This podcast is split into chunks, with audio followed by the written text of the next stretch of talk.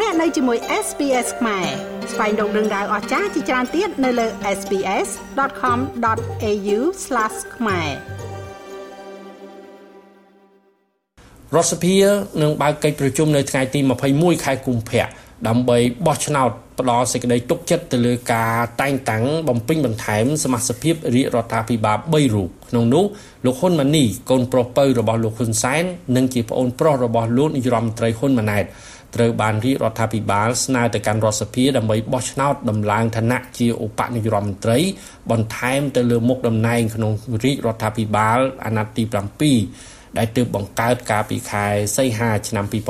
2023ជារដ្ឋមន្ត្រីក្រសួងមុខងារសាធារណៈរដ្ឋសភាបានប្រកាសថាក្នុងកិច្ចប្រជុំរបស់គណៈកម្មាធិការចិនត្រៃរដ្ឋសភានៅព្រឹកថ្ងៃទី15ខែកុម្ភៈ អង្គប្រជុំបានសម្រេចកំណត់យកថ្ងៃទី21ខែកុម្ភៈឆ្នាំ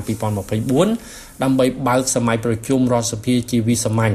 ដើម្បីបោះឆ្នោតផ្ដល់សេចក្តីទុកចិត្តលើការតែងតាំងបំពេញបន្ថែមសមាជិកភាពរាជរដ្ឋាភិបាលចំនួន3រូបរួមមានទី1លោកហ៊ុនម៉ាណីជាឧបនាយករដ្ឋមន្ត្រីនិងជារដ្ឋមន្ត្រីក្រសួងមុខងារសាធារណៈទី2លោកស្រីថាមរងជាទេសរដ្ឋមន្ត្រីទទួលបន្ទុកបេសកកម្មពិសេស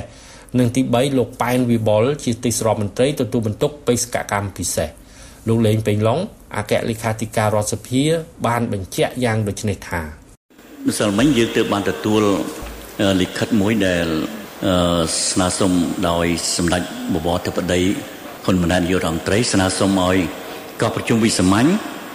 សភារដ្ឋសភានីតិកាលទី7ដើម្បីបោះឆ្នោតផ្ដោតសេចក្តីទុកចិត្តលើការតែងតាំងបំពេញបន្ថែមសមាជិករដ្ឋាភិបាលអញ្ចឹងចំពោះនៅរបៀបវគ្គបន្ថែមនេះគណៈកម្មាធិការចិន្ត្រៃសម្រាប់កោះប្រជុំរដ្ឋសភាជាវិសាមញ្ញនីតិកាលទី7គឺនៅថ្ងៃទី21 21ខែកុម្ភៈដើម្បីបោះឆ្នោតទុកចិត្តលើ សមាជិករដ្ឋាភិបាលទាំង3រូបនេះគឺនៅថ្ងៃ21ខែកុម្ភៈឆ្នាំ2024នេះជាមួយគ្នានេះកិច្ចប្រជុំគណៈកម្មាធិការចិនត្រៃរដ្ឋសភាកាលពីព្រឹកថ្ងៃប្រហ័សទី15ខែកុម្ភៈ ក៏បានកំណត់បើកសម័យប្រជុំរដ្ឋសភាជាវិសាមញ្ញនៅព្រឹកថ្ងៃសុក្រទី1ខែមីនាឆ្នាំ2024ដើម្បីបោះឆ្នោតជ្រើសតាំងសមាជិកព្រឹទ្ធសភានីតិកាលទី5ចំនួន2រូបក្នុងចំណោមបេក្ខជន5រូបដែលបានដាក់ពាក្យបេក្ខជនទាំង5រូបដែលបានដាក់ពាក្យសូមចូលឈ្មោះជាបេក្ខជនសមាជិកព្រឹទ្ធសភារួមមាន ទី1លោកសុកអេសាន ទី2លោកហេងហាលីមទី3លោកសារុនរិទ្ធា ទី4លោកអ៊ីខីម៉េងនិងទី5លោកឌីទេពកោសលបន្ទាប់ពីកិច្ចប្រជុំគណៈកម្មាធិការអចិន្ត្រៃយ៍រដ្ឋសភាកាលពីព្រឹកថ្ងៃទី15ខែកុម្ភៈលោកលេងពេញឡុងអគ្គលេខាធិការរដ្ឋសភាបានបញ្ជាក់យ៉ាងដូចនេះថាបេក្ខជនសមាជិកប្រតិភិនជាជ្រើជាសាធារណៈជាសាធារណៈណាគ្រប់លក្ខណៈសម្បត្តិដែលចែងដោយច្បាប់នឹងគឺបានទឹកដីជាបេក្ខជនហើយបេក្ខជនទៅដាក់ជូនទៅ សភាពេញអង្គដើម្បីអនុម័តជ្រើជ្រើតែ2នាក់ទេ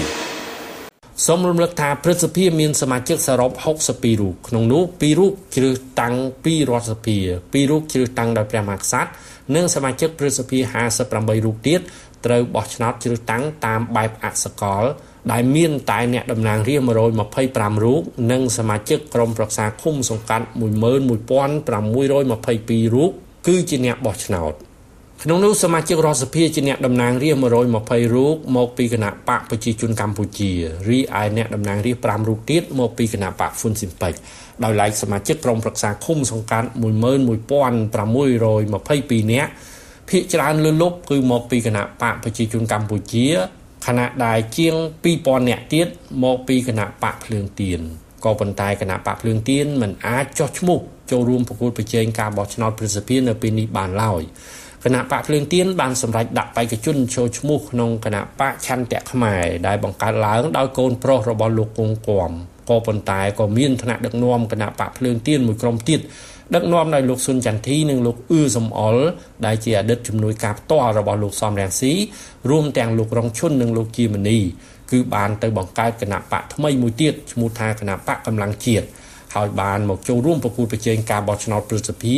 នៅថ្ងៃទី25ខែកុម្ភៈឆ្នាំ2024នេះផងដែរគដូច្នេះគណៈបកកម្លាំងជាតិនិងគណៈបកឆន្ទៈខ្មែរត្រូវដណ្ដើមសម្លេងឆ្នោតជាសមាជិកក្រុមប្រឹក្សាឃុំសង្កាត់របស់គណៈបកភ្លើងទៀនដែលមានជាង2000នាក់នេះសម្រាប់ការបោះឆ្នោតប្រសិទ្ធិនៅថ្ងៃអាទិត្យទី25ខែកុម្ភៈឆ្នាំ2024នេះខ្ញុំបាទមេងផល្លា SBS ខ្មែររាយការណ៍ពីរាជធានីភ្នំពេញ ចុច like share comment និង follow SBS ខ្មែរនៅលើ Facebook